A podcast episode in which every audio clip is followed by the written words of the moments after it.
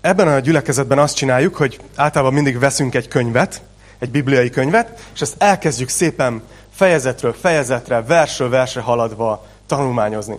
Azért tesszük ezt, mert azt gondolom, hogy akkor leszünk érett, megerősödött hívő emberek, hogyha nem csak azokat a témákat halljátok, ami nekem a kedvenc témám, hogy kiragadok mindig egy-egy üzenetet valahonnan a Bibliából, hanem azért megyünk végig, mert így kénytelen vagyok arról is beszélni, amiről amúgy valószínűleg nem beszélnek, mert akár kellemetlen, vagy nem tartom annyira fontosnak, vagy nem annyira a kedvenc témám, de Isten úgy rakta össze a Bibliát, hogy benne van minden, ami az érettségünkhöz szükséges. Tehát, hogyha megyünk és, és, és sorba tanulmányozzuk, akkor az a hitem, hogy egy idő után nem is kell tőlem függnötök.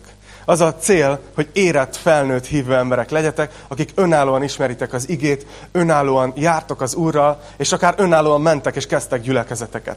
Nem az a cél, hogy itt, itt függőségbe tartsak bárkit ebben a gyülekezetben, hanem hogy felkészítsem a szenteket a szolgálat végzésére.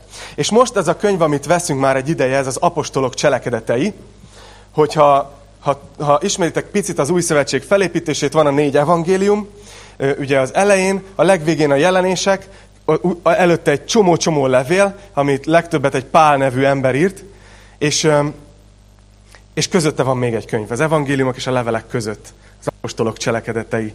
Ez az a híd, ami miatt érthetjük, hogy mi az, hogy római levél? Kik ezek a keresztények Rómába? Mit csinálnak? És ki ez a Pál, aki nekik ír? Ha nem lenne itt az abcsel, akkor ezt mind nem tudnánk, hogy Jézus halála és feltámadása után mi történt. Hogy indult el ez a mozgalom, amit ma kereszténységnek nevezünk. Úgyhogy ezt tanulmányozzuk most már másfél éve, és ma befejezzük.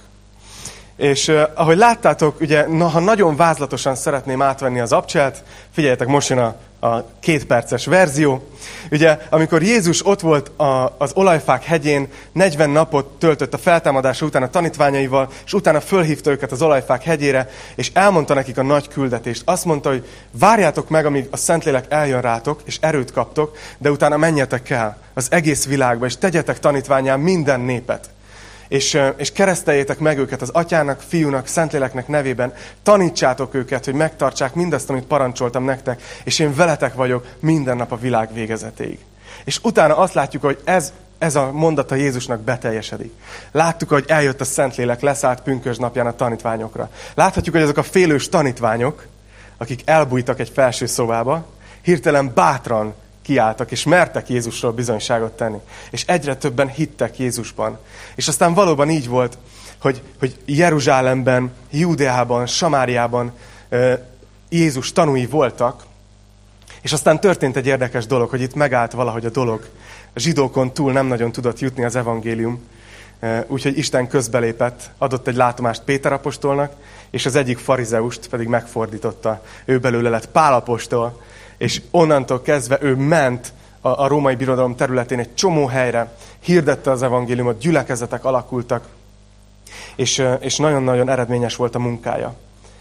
A legutóbbi részekben azt láttuk, hogy Pál már befejezte a harmadik missziós útját, ugye Jeruzsálembe ment, ahol, ahol a zsidók elfogták, és a rómaiak gyakorlatilag átvették, és innentől kezdve Pál római fogságban volt, és mivel egy ilyen korrupció gyanús eljárásba keveredett, ahol nem volt benne biztos, hogy, hogy felren kezelik az ügyét, ezért a császárhoz fellebbezett, ami a római birodalom legfelsőbb bírósága volt, és, és ezért egy hajóra tették, több fogolja, és útban van pár Rómában.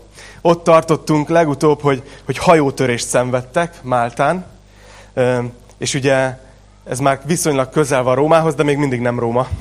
És, és ott vannak egy szigeten, ahol, ahol a barbárok, így írja a Biblia, nem mindennapi emberséget tanúsítottak irántuk. Nem azért voltak barbárok, mert ők ilyen csúnya emberek voltak, ilyen nem tudom, ilyen primitív valakik, hanem a, a, akkori görögül beszélő társadalom mindenkit barbarosznak nevezett, aki nem görögül beszélt. De pont azt látjuk, hogy nem mindennapi emberséget tanúsítottak, és tüzet raktak nekik, mert nem csak hajótörést szenvedtek 14 nap hánykolódás után, hanem még hideg volt, és zuhogott az eső. El tudjátok ezt képzelni? Pillanat, adok nektek 5 másodpercet, hogy beleképzeljétek magatokat, hogy ott álltok Máltán, most jöttetek le 14 napja, hánykolódtok egy hajón, még a, úgy érzitek, hogy a föld is így megy, és fáztok, és hideg van, és zuhog az eső. Durva. És a, és a barbárok látják, hogy ú, ezeken a szerencsétleneken segíteni kéne, úgyhogy raknak egy nagy tüzet, és, és ott melegednek a hajótöröttek. És ugye láttuk azt, erről beszéltem múlt héten, hogy Pál még ebben a helyzetben is szolgált. Fogta és elkezdett rőzsét gyűjteni. Ő nem mondta azt, hogy nézzétek már meg azért a névjegyemet, hogy mi van rajta. Látjátok, apostol.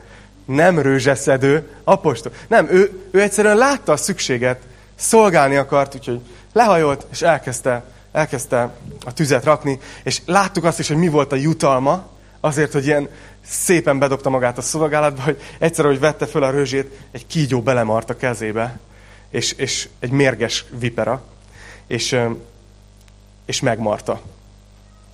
És ugye a körülállók pedig ott álltak, hogy hát ez az ember, ez biztos gyilkos, és ugyan a hajótörést megúszta, de isteni bosszúállás nem engedi, hogy éljen, úgyhogy ott azt mondja, hogy a legszebb vers a Bibliába, hogy várták, hogy majd feldagad, és holtan esik össze.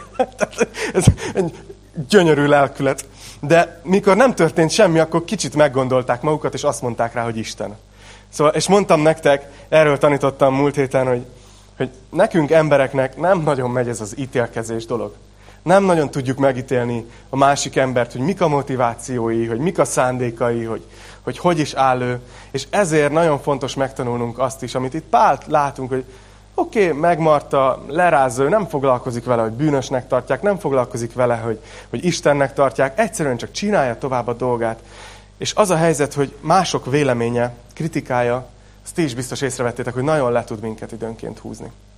Nagyon-nagyon meg tud minket akár így békjózni, és, és nem enged tovább lépni. És látjuk közben, hogy kb. ennyit számít mások véleménye. Legtöbbször. Ó, biztos bűnös vagy. Há, Isten vagy. Kicsit éles volt a váltás. Kb. ennyit számít mások véleménye, ezért nagyon fontos megtanulni azt, hogy függetleníteni tudjuk magunkat azoknak az embereknek a véleményétől, akik, akiknek nem fontos a véleménye. És ehhez amúgy már a gyógyszeripar is föltalált valamit, van, van egy ilyen tabletta is, ez kereskedelmi forgalomba kapható. Az van ráírva, csak csak külföldül, hogy nem érdekel tabletta. Egyébként tényleg lehet venni. Ezt érdemes egyébként, én, én ott tartom az íróasztalomon. És amikor jön valami ilyen vélemény, ami, ami, ami pont így lehúzna, vagy valami, akkor tudjátok, megoldás. Szóval azt látjuk, hogy Pál is használta ezt a gyógyszert, és kizökkenthetetlenül egyszerűen szolgált, és ment tovább. És ugyanezt fogjuk látni a folytatásban, hogy Pál ugyanitt még útban van Rómában, de ő még, még közben is ö, még szolgál. Most egy ideig még Máltán lesznek, most végre megvárják a tél végét és a veszélyes időszak végét, és nem indulnak tovább. Úgyhogy még három hónapot töltenek. Úgyhogy most képzeljétek bele magatokat, ott vagyunk a Szent Pál öbölben, akkor még nem így hívták érdekes módon. A Szent Pál öbölben Máltán, és éppen ott a tűz körül állnak, és, és megmelegedtek. És innen vesszük fel a fonalat, Abcsel 28, 16, uh, bocsánat, 7. verstől. Abcsel 28, 7. vers, ha van nálatok Biblia vagy alkalmazás, akkor kövessétek velem. Egy verset olvasok. Azon a környéken volt a sziget elöljárójának, Publiusnak a birtoka, aki befogadott minket, és három napon át nagyon barátságosan megvendégelt. Szóval itt bemutat nekünk Lukács doktor, aki írja az apostolok cselekedeteit, egy újabb embert, őt úgy hívják, hogy Publius, és azt mondja, hogy ő a sziget elöljárója. És hogy ott volt a közelben, az öböl közelében az ő birtoka, és ő befogadta a társaságot, és három napon át nagyon barátságosan megvendégelte őket. Ez elég laza. A, a jövő generáció dicsőít, vagy nem tudom. A sziget előjárója, ez arra utal, hogy ő volt, Publius volt az az ember, aki a római birodalmat képviselte a szigeten. Tehát ő volt a, a római birodalom képviselője, és három napon át megvendégeli ezeket a hajótörött embereket. Nem tudom, hogy voltatok-e már úgy, hogy akár egy, egy kiránduláson eláztatok, vagy valami, és csak beültetek utána egy helyre, ahol semmi más, csak egy, csak egy forró teát ittatok, vagy valami, és ah, de jól tud esni, igaz? Vagy, vagy valaki pontnak közelbe lakik, és na gyertek be, akkor hozzánk, melegedjetek meg, és jó, olyan jól tud esni. Na hát ők 14 napja hánykolódnak a tengeren, és, és ő három napon át így megvendégeli őket. Milyen jól eshetett ez nekik, milyen, milyen áldás lehetett.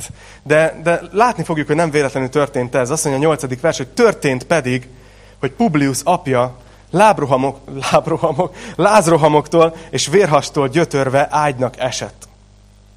Szóval azt látjuk, hogy az előjáró, a sziget előjárójának az apja ágynak esett betegségtől, lázrohamok és vérhas.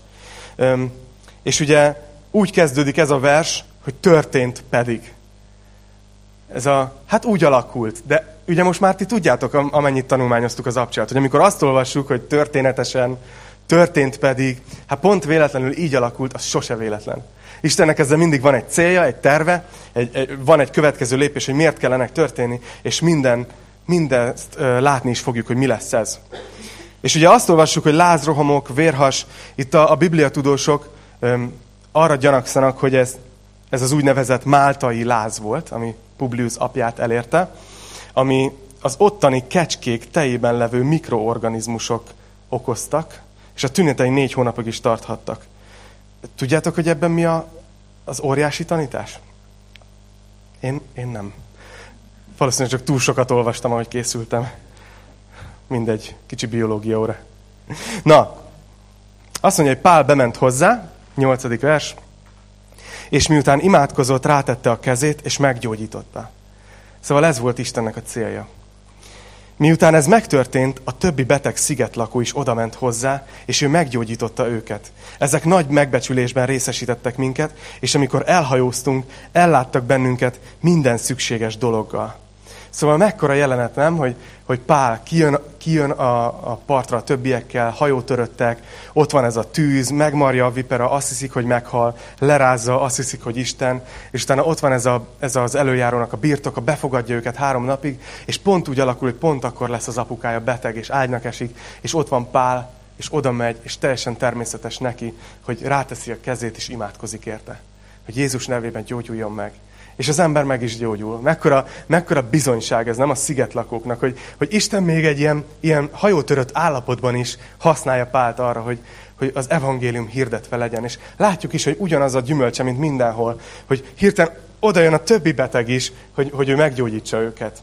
Tehát hirtelen az evangélium elkezd Máltán terjedni, annyira, hogy végül, amikor elhajóznak, akkor már olyan nagy megbecsülésbe részesítik őket, hogy ellátják őket minden szükséges dologgal. Azért mekkora nem? Megérkezik valaki teljesen hajótöröttem, mint egy római fogoly, párról beszélek, és úgy távozik három hónap után, hogy nagyon megbecsülésben részesül. Isten használja őt folyamatosan, még ebben a helyzetben is. Na nézzük, mi történik három hónap után. Három hónap múlva... Hoppá! Érdekes lesz ez a tanítás. Három hónap múlva aztán elindultunk egy alexandriai hajón, amely a szigeten telelt, és amelynek a címerében a Dioskuruszok voltak. Szirakúzába érkezve ott maradtunk három napig. Innen a part mentén hajózva megérkeztünk régiumba, és mivel egy nap múlva feltámadt a déli szél, másnap Puteoliba értünk. Itt testvéreket találtunk, akik kértek, hogy maradjunk náluk hat napig. Így érkeztünk Rómába. Amikor az ottani testvérek hallottak az érkezésünkről, elénk jöttek Appius fórumáig és Trész tabernéig. Az a, azt látjuk ugye, hogy, hogy Máltáról Pál és a csapat tovább írnak, és tovább indulnak, és azért van ez így írva, hogy tovább indultunk, mert Pállal, noha fogoly, de ott van vele Lukács doktor, ott van vele néhány tesó, és ahogy látjátok, Július százados, aki, aki fölöttük a római katona, aki vigyáz rájuk, ő megengedi még ezt is akár, hogy hat napig ott legyenek valakivel. Tehát, hogy ne, nem volt ez az idegbeteg világ úgy tűnik, mint manapság. Hogy oda kéne érni Rómába, tudod, ez a lekésem a gépem, ami három óra múlva ott akarok lenni. Ők meg így utazgatnak hetekig, meg még hat napot még itt eltöltenek, meg ott, tehát kicsit más volt a ritmus. De végül is oda jutnak, és azt olvassuk, hogy amikor az ottani testvérek, a római testvérek hallottak az érkezésünkről, elénk jöttek Appius formáig és Trész tabernéig. No, ez a, ez a távolság, ez egy, ez, ez, egy, ez egy elég masszív távolság volt, tehát ez elég messze van Rómának a városától, és ez a, tá, ez a hely volt az, ahova akkoriban a népből a leglelkesebb tag, tagjai a népnek kivonultak, amikor a császár visszaérkezett egy győztes csatából. És így, így fogadták vissza a győztes hadsereget, hogy kimentek oda, eddig a Trész tabernéig, és onnan vissza kísérték amit itt a római keresztények csinálnak, az az, hogy ugyanabban a fogadtatásban részesítik ezt a fogoly pált, mint amiben részesítették a rómaiak a császárukat. Nagyon, nagyon megható lehetett ez Pálnak, nem? Aki így fogoly. És, és úgy érkezhet meg Rómába, hogy így várják. Így örülnek, hogy jön, és, és eléjük jönnek. És tudjátok, nem az volt, hogy, hogy kimentek kocsikkal, hanem itt hosszú órákon át gyalogoltak ezek az emberek. És ebből látszik, hogy itt vannak testvérek, az is, hogy Rómát már elérte eddigre az evangélium, mert vannak ott keresztények. Lehet, hogy felfigyeltetek rá. Valószínűleg Rómából is voltak zsidók pünköstkor, amikor, amikor tudjátok, történt a Szentlélek kitöltése. Tehát valószínűleg eddigre már ott, ott van is egy gyülekezet annyira, hogy Pál már ide írt egy levelet, még a harmadik missziós út során, Korintusból, ez a római levél. Tehát addigra a római levél már ide érkezett, mire most Pál megérkezik. Csak azért, hogy így képbe elhelyezzétek. Na nézzük, amikor Pál meglátta őket, hálát adott Istennek, és megtelt bizakodással. Látjátok, milyen jól eshetett neki, hogy de jó, testvérek jöttek elém. Amikor megérkeztünk, amikor megérkeztünk Rómába, Pálnak megengedték, hogy külön lakjék az őt őrző katonával. Tehát Pál végre itt van Rómában. Köszönöm szépen, Peti. Isten áldja meg a segítő kész embereket ebben a gyülekezetben.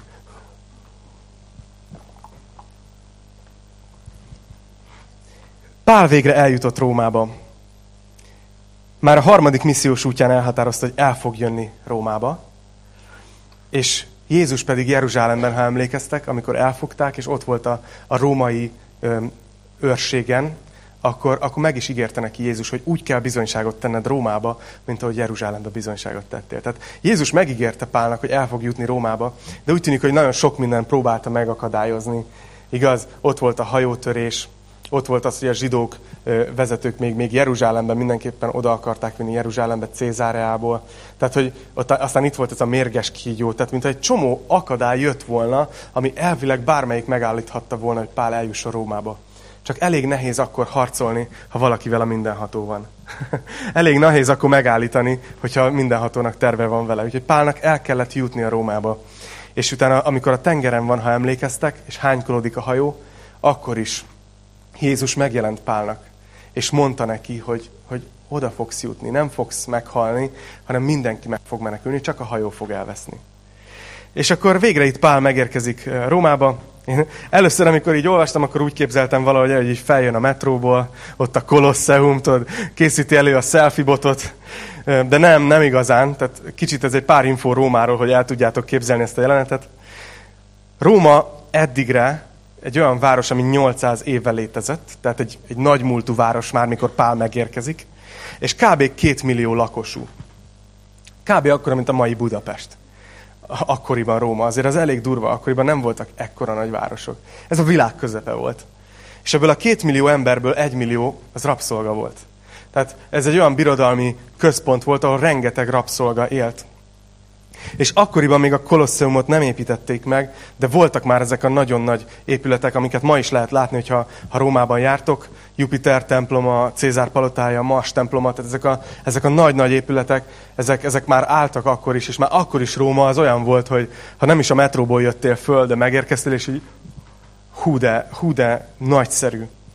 És azt látjuk, hogy Pál a saját bérelt szállásán lakik, azt mondja, hogy külön lakik az őt őrző katonával, mert megengedik Pálnak. Tehát még mindig látjuk, hogy, hogy Pál fogoly, de folyamatosan ott van felé ez a jó indulat, hogy persze nem dugunk be a börtönbe, lakjál valahol az őrző katonával, hogy ne kallódjál el itt a két millió ember között, de amúgy így megengedik neki, elég nagy szabadságot adnak neki. És az Istennek a jó indulata. Na nézzük, mihez kezd Pál, amikor megérkezik ezzel a nagy jó indulattal. Azt mondja a 17. versben, hogy három nap múlva magához hivatta a zsidók ottani előjáróit. Szóval azt mondja, három nap múlva azért mekkora ez a pál, nem? Összesen két napot hagyott magának így regenerálódni, és harmadik nap el, elkezdett szolgálni. Harmadik nap magához hivatta az ottani, tehát a római zsidók előjáróit, és, és gondolom, hogy, hogy ő, ő gondolt arra, hogy hát valószínűleg a császár fel is mentheti, tehát hogy ő neki még Ő, ő nem azért van itt csak, hogy, hogy akkor most várja a bírósági tárgyalást, hanem ha már itt van, és ameddig vár a bírósági tárgyalásra, addig kihasználja szolgálatra az időt. És ugyanazt kezdte el, mint minden más városban, ahova megérkezett, hogy, hogy a zsidókkal kezdte a zsinagógákkal. Annyi volt a különbség, hogy most nem tudott elmenni a zsinagógába, mert őrizetben van, tehát magához hivatja a vezetőket.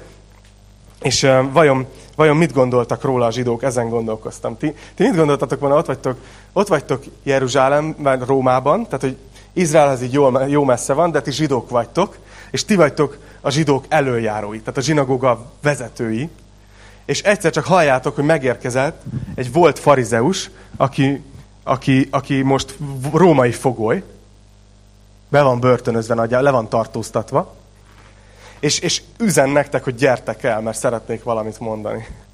Tehát, hogy hogy készültek erre a beszélgetésre? Lehet, hogy volt egy ilyen messenger csoportjuk, hogy te, szerintetek mit akarod? Szerintem nem lehet, hogy jár, használjuk ki a kapcsolatainkat, hogy engedjük ki. Másik viszont van az a pénz. Nem, nem tudom, nem tudom hogy, tudod, hogy mit gondoltak, de lényeg az, hogy azt mondja, amikor ezek összegyűltek, így szólt hozzájuk. Szóval jó fejek voltak a zsinagóga vezetői, mert eljöttek Pálhoz. És Pál pedig elkezdi a mondandóját. Azt mondja, hogy férfiak, testvéreim, bár semmit sem védkeztem a nép ellen, vagy ősi szokásaik ellen, Jeruzsálemben mégis fogjulottak engem a rómaiak kezébe. Miután ezek kihallgattak, szabadon akartak bocsátani, mert semmi halállal büntetendő vétek nincs bennem. Mivel azonban ezzel ellen tiltakoztak a zsidók, kénytelen voltam fellebbezni a császárhoz, de nem azért, mintha népem ellen akarnék vádoskodni.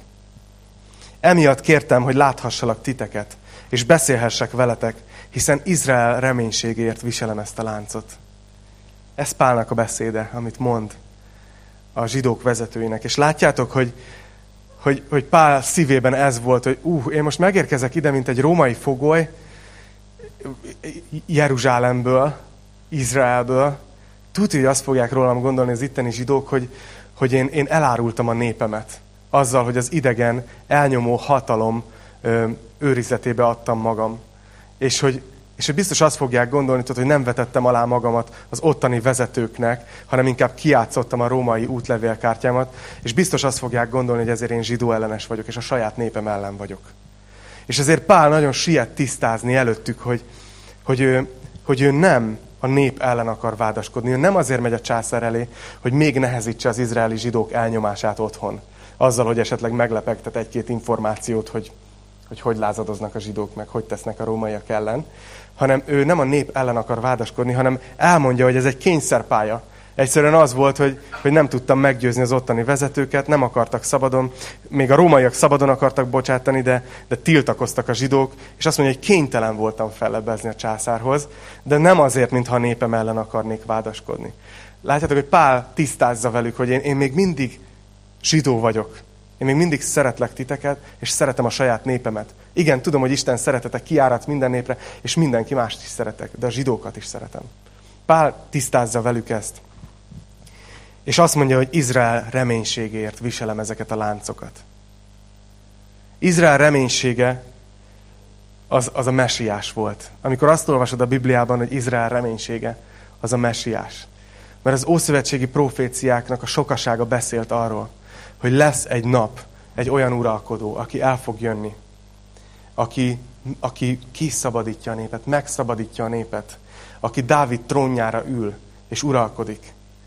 Egy másik része a proféciáknak, amit valamiért nem vettek annyira komolyan, arról szólt, hogy ez a mesiás, amikor először eljön, akkor viszont szenvedni fog a nép bűneiért. És keresztre fogják feszíteni. Ez több száz évvel korábban megprofétálták, mikor még a keresztre feszítést fel sem találták hogy a mesiásnak szenvednie kell, hogy át fogják szegezni a kezét és a lábát. És hogy harmadnap fel fog támadni. Ez mind ott volt a proféciákban, de valahogy nem állt össze a kép. De Pálnak, aki jól ismerte az Ószövetséget, jól ismerte a Bibliát, ő neki összeállt, hogy ez mind ugyanarról a szeméről szól, ez Jézus Krisztusról szól. Ő Izraelnek a reménysége. Ő az, aki, aki megváltja a népét, és az egész világon azokat, akik benne hisznek, a bűneikből.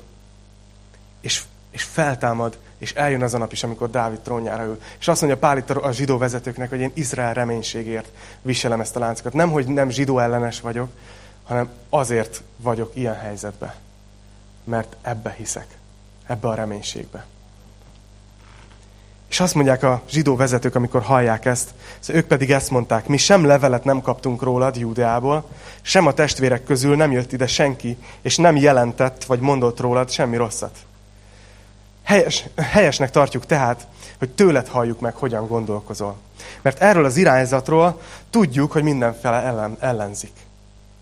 Szóval hogy ez a, a vezetőknek a reakciója, hogy azt mondja, hogy igazából nem jött füles sehonnan, nem küldtek követeket, nem kaptunk levelet arról, hogy veled vigyázni kéne. Valószínűleg egyébként ez azért volt, mert a zsidó vezetők öm, későn szembesültek azzal, hogy nem fogják Pált megkapni, hogy ők ítélkezhessenek felette, hanem ő tényleg Rómába fog menni, és ezért Rómába már nem juttatták el az infót, mert azt gondolták, hogy áh, kicsúszott a kezünkből, el kell engedni Pált. És, és azt mondják, hogy nem kaptunk rólad semmi információt, igazából nem tudjuk, hogy te mit képviselsz, úgyhogy szerintem, szerintünk az a legkorrektebb, hogyha tőled halljuk meg, de igazából azt tudjuk, hogy ez az irányzat, ez a Jézus irányzat, ez a feltámadt valaki 40 évvel ezelőtt Jeruzsálemben, ezt, ezt úgy mindenhol ellenzik de meg, meghallgatunk. És azt mondja, hogy kitűztek számára egy napot, és akkor sokan eljöttek hozzá a szállására. Tehát valószínűleg először csak egy pár vezető jött el, de aztán kitűztek egy napot, és akkor viszont sokan eljöttek. Látszik ez a nyitott gondolkozás, nem? Meg akarunk hallgatni. Mondd el, itt vagyunk. Akarunk megérteni téged. Azt mondja, kitűztek egy számára egy napot, és akkor sokan eljöttek hozzá a szállására, és Pál bizonyságot tett előttük az Isten országáról és reggeltől estig igyekezett őket meggyőzni Jézusról, Mózes törvénye és a proféták alapján.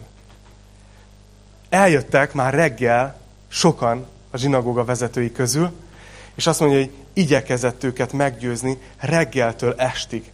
És ő nem úgy kezdte, hogy, hogy nyissuk ki a római levelet, mert azt ő írta, hanem azt mondja, hogy a proféták és a törvény alapján reggeltől estig tanított és igyekezett meggyőzni őket, hogy nézzétek meg, itt mit mond Mózes, és itt mit mond Ézsaiás. Ha ez összerakod, ez nem mutathat másra, csak Jézusra. És így győzte meg őket, és én nem tudom, hogy ti hogy vagytok vele, vagytok így, hogy, hogy néha így visszamennétek az időbe?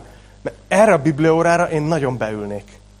Én szerintem, hogyha lesz a mennyben ilyen, ilyen, ilyen várólista, tudod, hogy, hogy kivel szeretnél beszélni, akkor Pálnak ilyen, tudod, rengetegen akarják majd őt megkeresni, nők közül is, hogy miket írtál a nőkről. De, de ezek a dolgok miatt én, én például biztos, hogy megkérdezném, tudod, hogy hogy, hogy, hogy raktad össze, hogy hogy, hogy tanítottad, hogy hogy, hogy tudtad, hogy, hogy hogy tudtál reggeltől estig tovább menni, amikor láttad, hogy annyira nem vevők teljesen erre az egészre. És mindig sajnálom, nem tudom, nem tudom, Júdást, nem az Iskáriótest, tudjátok, a másik Júdás tanítványt. Semmit nem tudunk tőle. Valaki apostollal lehetne beszélni? Péter, Máté, Pál, hát ők sajnos már mind beteltek, de itt van Júdás, vagy tudom, Bertalan esetleg, és tőle, senki nem tud róluk semmit. Na, nem tudom, hogy lesz én a mennybe, hogy beszélgetünk, de csak eljátszottam a gondolattal. Szóval, vissza Rómába, Pálnak a szállására, pár láncokban, ott vannak a vezetők, reggeltől estig tanítja őket, győzi meg őket, micsoda biblióra lehetett. Arról beszél, nézzétek, amiről Jézus beszélt. Szeretném, hogy észrevegyétek ezeket az apróságokat a szövegbe. Azt mondja, miről tanította őket? Az Isten országáról és Jézusról. Isten országa az a téma, amiről Jézus olyan sokat beszélt, amikor itt volt. Hogy azt mondta, hogy épül egy ország, ami most még láthatatlan, de ahol én vagyok a király. Jézus ezt mondta. Ahol olyan, olyan szívekből, akik, akik átadják magukat nekem. És egy nap ez az ország látható lesz, de láthatatlan. És Jézus, figyeltétek, hogy nagyon keveset beszélt a mennyről. nagyon keveset beszélt csak, csak úgy a túlvilágról, hanem ő, ő nem beszélt sokat a gyülekezetről. Nem beszélt sokat az egyházról. Beszélt mindezekről. De a legtöbbet Isten országáról beszélt. És itt Pál ugyanerről tanítja őket. És ezért végezték ki. Emlékeztek, amikor Pilátus előtt állt? Az, az volt a vád, és mit írtak a keresztre? A zsidók királya. Azért végezték ki Jézus, mert az Isten országát hirdette. És azt mondta, hogy ő a király. És Pál itt van, és ugyanúgy Isten országát hirdeti. És nézzük, hogy mit reagálnak a vezetők. Azt mondja, egyesek hittek a beszédének, mások pedig nem hittek. És mivel nem értettek egyet egymással, szétoszlottak, és ekkor Pál ezt az igét mondta nekik. Helyesen szólt a Szentlélek Ézsaiás próféta által atyáitokról. Tehát Pál látja, hogy valaki hisz, valaki nem hisz közülük, és gondolom, hogy egy, kicsit ilyen keserédes szomorúsággal így nézte, hogy de jó, hogy valakik hisznek, de de kár, hogy a többiek nem. És, és csak eszébe jut egy igevers, és azt mondja, hogy figyeljetek, sajnos ez is meg van írva a profétákban. Hogy helyesen profétált a Szentlélek Ézsaiáson keresztül az atyáitokról. Amikor azt mondja, hogy menj el ehhez a néphez, és mondd meg, halván halljatok, de ne értsetek. Látván lássatok, de ne ismerjetek. Mert megkövéredett a nép szíve. Fülükkel nehezen hallanak. Szemüket behunyták, hogy szemükkel ne lássanak. Fülükkel ne halljanak. Szívükkel ne értsenek, hogy meg ne térjenek és meg ne gyógyítsam őket. Ézsaiás előre megprofétálta, hogy Izrael népének egy nagy része úgy fog dönteni, hogy nem akar hinni. Hogy úgy fog dönteni, hogy van füle, de nem akarja megérteni az evangéliumot. Hogy van szeme, de inkább kimagyarázzák a csodákat, amiket Jézus tett. És azt mondja, hogy azért, mert megkövéredett a szívük. Túl büszkék, túl túl nehezükre esik már az, hogy megalázzák magukat, és azt mondják, hogy bűnös vagyok, Istenem, ments meg. Nem azért, mert zsidó vagyok, mert ez a származásom, hanem mert Jézus meghalt értem. És azt mondja Isten, hogy ennek ez lesz a következmény, hogy ezért, ezért nem tudnak megtérni, és nem tudom meggyógyítani őket. És Isten ezt fájdalmasan mondta a profétán keresztül. És Pál azt mondja, hogy vegyétek tehát tudomásul, hogy a pogányoknak küldetett el Istennek ez az üdvössége. Hogy az, amit ti most elutasítotok, az nem csak nektek lett elküldve, hanem Isten a pogányoknak is odatta. És azt mondja, hogy ők pedig meg is fogják azt hallani. Milyen, milyen ilyen kicsi ítélet van ebben, nem? De Pál már eddigre a szolgálatában pontosan tudja, hogy mindenhol ez történik. Valaki hisz, és valaki nem. És akkor Pál arra fókuszál, hogy akik nyitottak arra, azokkal foglalkozzon. Pálban érződik azért ez a szomorúság, nem ezekben a versekben vegyétek tudomásul, hogy akkor a pogányokhoz fog küldetni, és ők meg fogják hallani. Ott van ezekben a szavakban, hogy de kár, hogy ti nem. Ott van ez a szomorúság, amikor valaki elutasítja az evangéliumot, és, és vajon miért? Azért, azért lehetett szomorú Pál, mert nem volt sikeres. Nem tudta leadni a riportot, hogy a Rómában mindenki megtér. Nem, biztos, hogy csak azért, mert tudja Pál, tudja. Itt most már, itt most már nagyon közel vagyunk ahhoz, ami, ami be fog következni, hogy a, a, a proféták előre megmondták, hogy a mesiás elutasítása az nagyon súlyos következményekkel fog járni Izrael népe számára. Tehát annak, hogy ők elutasították népként a mesiást, annak nagyon komoly következményei lesznek. Ezt mondta Jézus maga profétált erről Lukács 19-ben. Azt mondja, amikor közelebb ért, ugye ez az a történet, amikor Jézus megy be Jeruzsálembe. És azt mondja, amikor közelebb ért és meglátta a várost, megsiratta és így szólt, bárcsak felismerted volna ezen a napon te is a békességre vezető utat. De most már el van rejtve a szemed, szemed elől, mert jönnek majd rád napok, amikor ellenségeid ostromfalat emelnek körülötted, körülzárnak és mindenfelől szorongatnak, földre tipornak téged és fiaidat, akik falait között laknak, és kőkövön nem marad benned, mert nem ismerted fel meglátogatásod idejét. Jézus maga profétál arról, hogy azért, mert a nép nem ismerte fel, hogy Isten meglátogatta őket, és hogy eljött a messiás. Ezért el fog jönni az idő, amikor a várost lerombolják, hogy kőkövön nem marad, és a népet elhurcolják.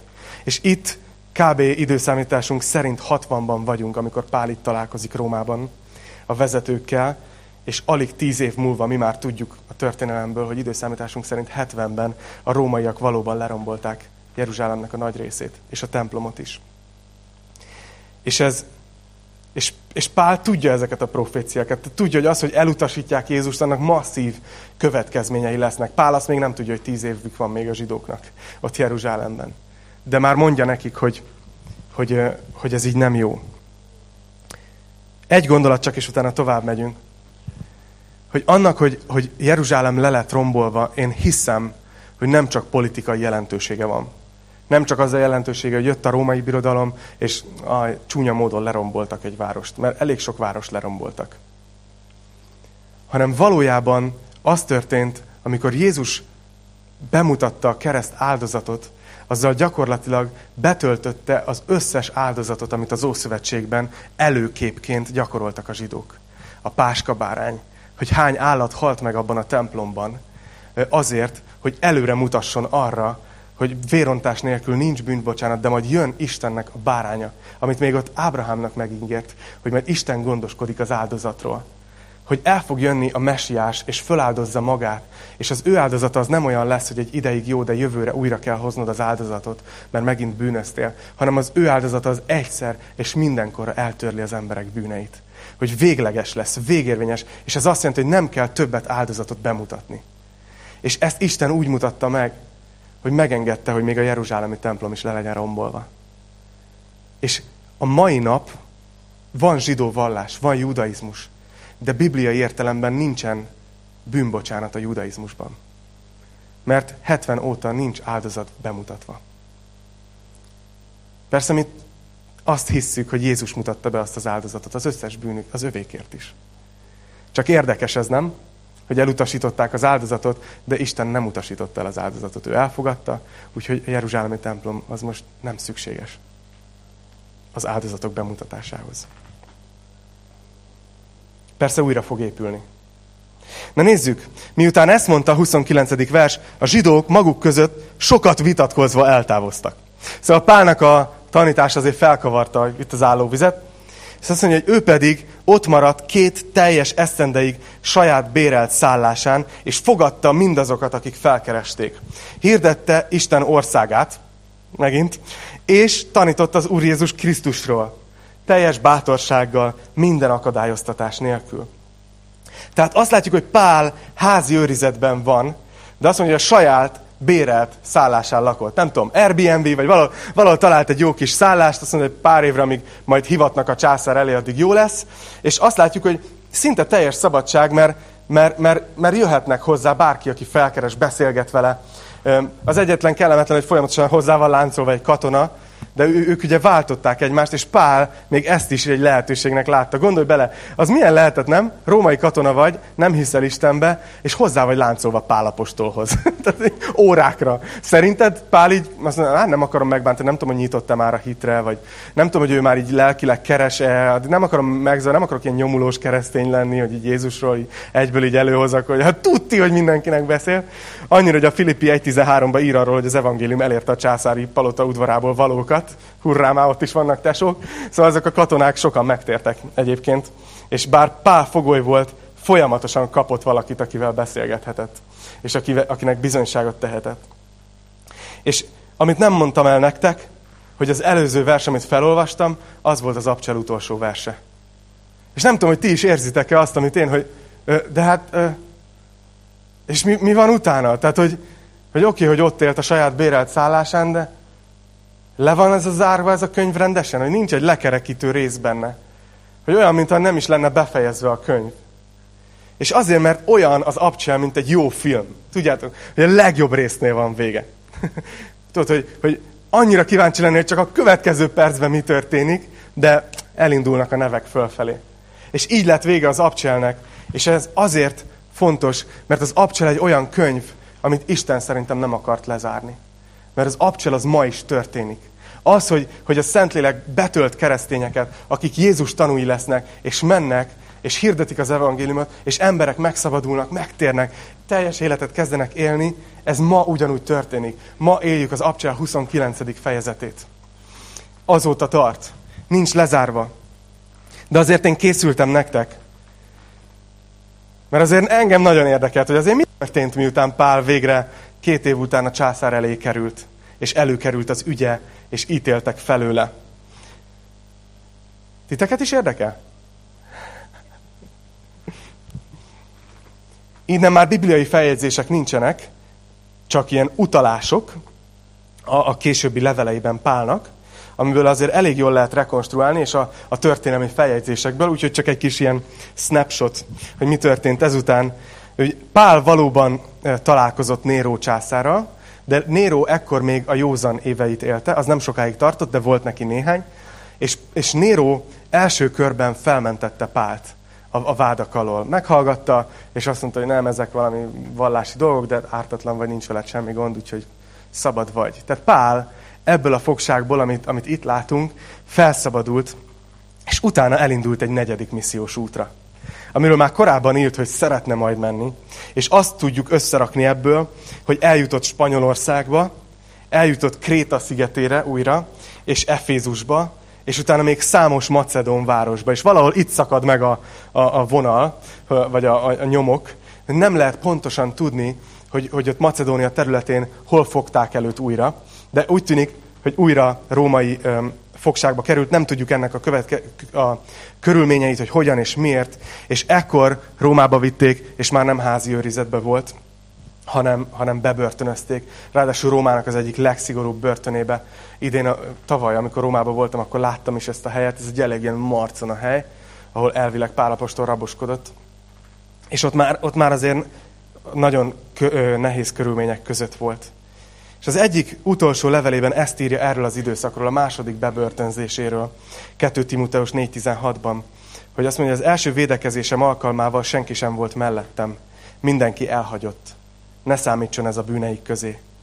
De az Úr mellém állt, és megerősített, hogy elvégezzem az ige hirdetését. És a népek valamennyien meghallják azt. Azután megszabadultam az oroszlán szájából. Meg is szabadít engem az Úr minden gonosztól, és bevisz az ő mennyei országába. Övé a dicsőség örökkön örökké. Ámen. Pál, amikor itt tart, akkor már látja, hogy vége. Látja, hogy megszabadult sokszor, de most már a következő szabadulás, ami lesz, az, az, már, az már a halál lesz. Ami egy keresztény számára azt jelenti, hogy megy az Úrhoz. És Néró valóban ebben az időben, amikor másodszor Pál be lett börtönözve, már elkezdett kegyetlenkedni a keresztényekkel. Akkor jöttek ezek a dolgok, amiről olvashatunk ilyen könyvekben, meg filmekben, jöttek az arénák, jöttek a gladiátorok, jöttek a, a vadállatok, és jöttek a mágián égő keresztények, és ezek a hasonló dolgok. A hagyomány úgy tartja, hogy mivel római állampolgár volt Pál, ezért őt nem így végezték ki, hanem csak lefejezték.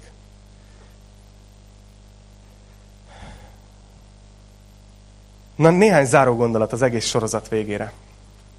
Ugye hosszú, hosszú ideje követtük Pálapostól életét. Az elmúlt egy évben gyakorlatilag minden vasárnap beszéltünk róla. Mi történt vele.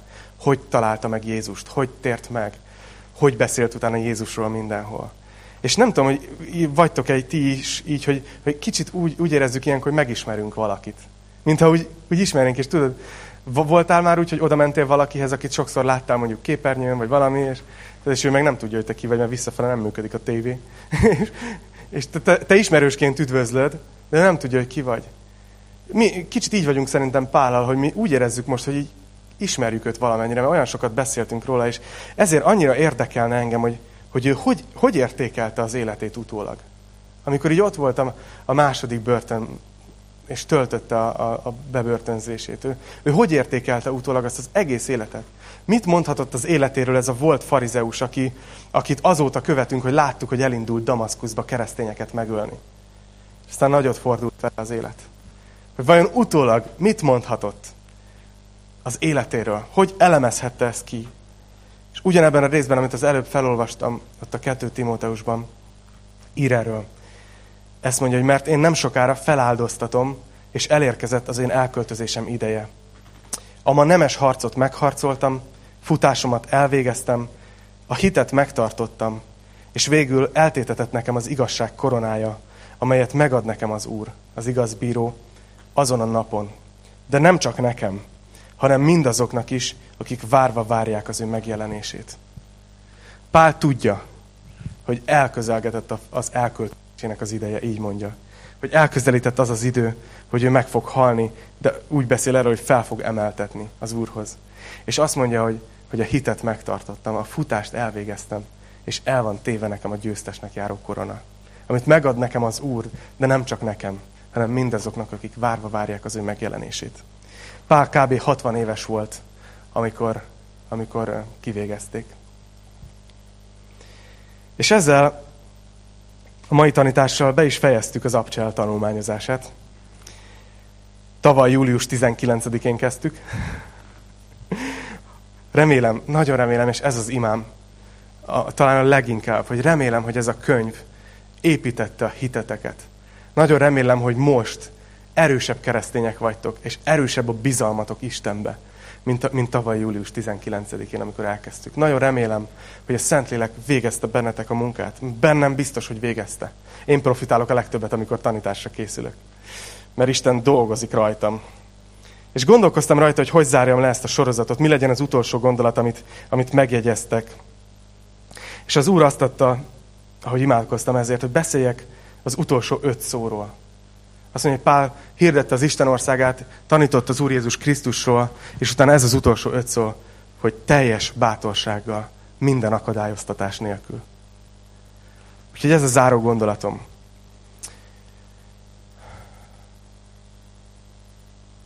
Ma egy olyan korban élünk, amikor még tényleg az Abcsel 29-et éljük.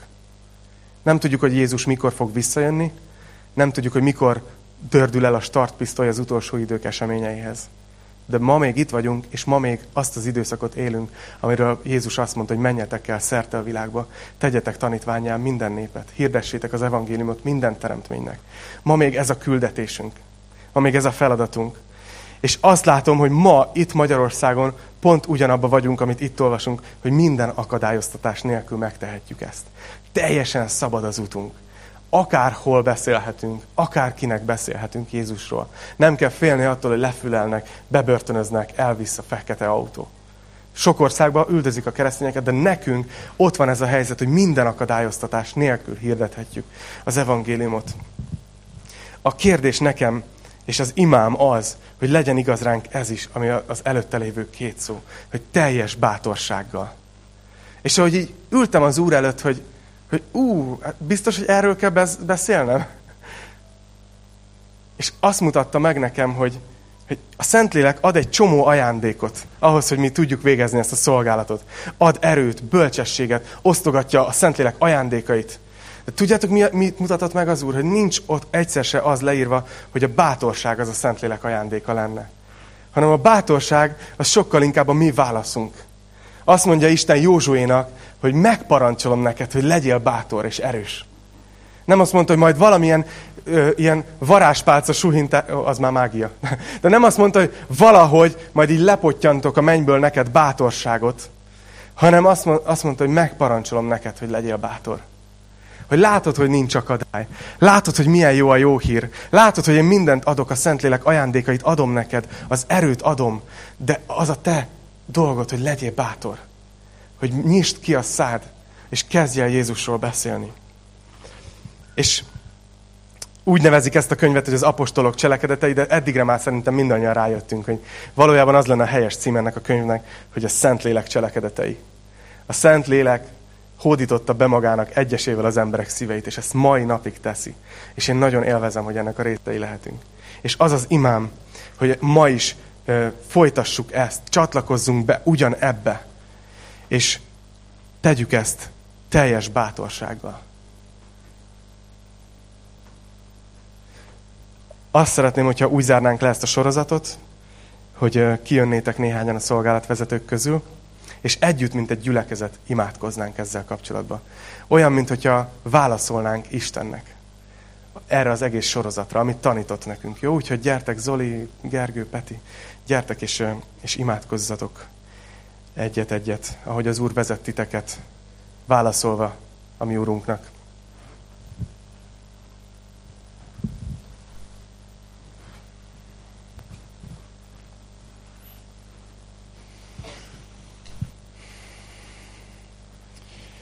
Drága mennyei édesatyánk, Úr Jézus, köszönöm neked ezt a, ezt a tanítássorozatot, köszönöm az apostolok cselekedeteit, köszönöm ezeket a történeteket.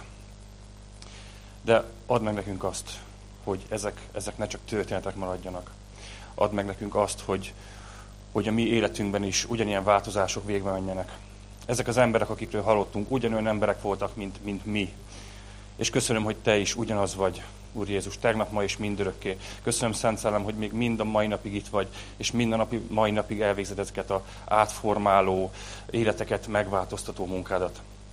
Én azért imádkozom, hogy, hogy merítsünk erőt ezeknek az embereknek a példájából, és, és tudjunk ugyanúgy bátran, Szent Szellemmel betöltekezve elvégezni azt a munkát, amiket, amit ránk bírtál, hogy fordíts fel, ahogy ezeknek az embereknek az életét fenekestül felfordítottad, kérlek Uram, ez az én szívem vágya is, fordíts fel az én életemet is, és, és mindannyian, akik, akik hajlandóak vagyunk erre. Kérlek, tedd meg ezt, és köszönöm, hogy, hogy te ezt megteszed, hogy te itt vagy mind a mai napig, jelen vagy most is. És köszönöm, hogy ez ebbe, a, ebbe bizalommal belekapaszkodhatunk. Úr Jézus, a te nevedben. Amen. Drága Úr Jézus, hálásak vagyunk neked azért, hogy, hogy a te igazságaid azok, azok megállnak ma is. És szeretnénk ebbe bele, belekapaszkodni.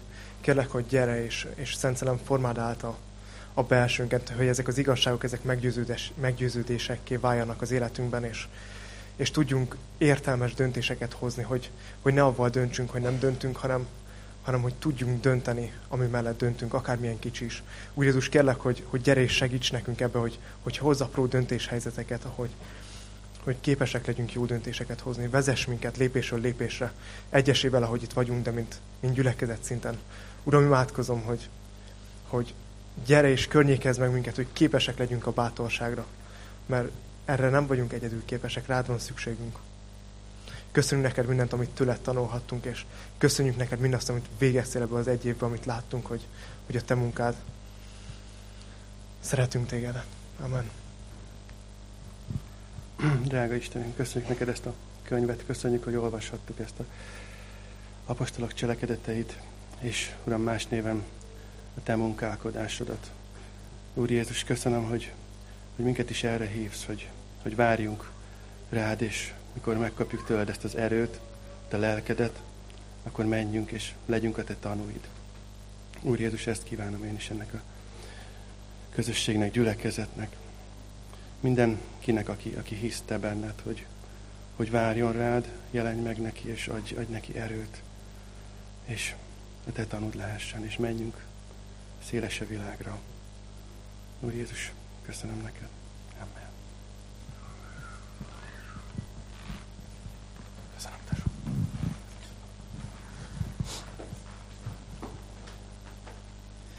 Most pedig, ahogy, ahogy szoktuk is, um, urvacsorát fogunk venni, de előtte engedjétek meg, hogy elköszönjek azoktól, akik az interneten keresztül néztek minket.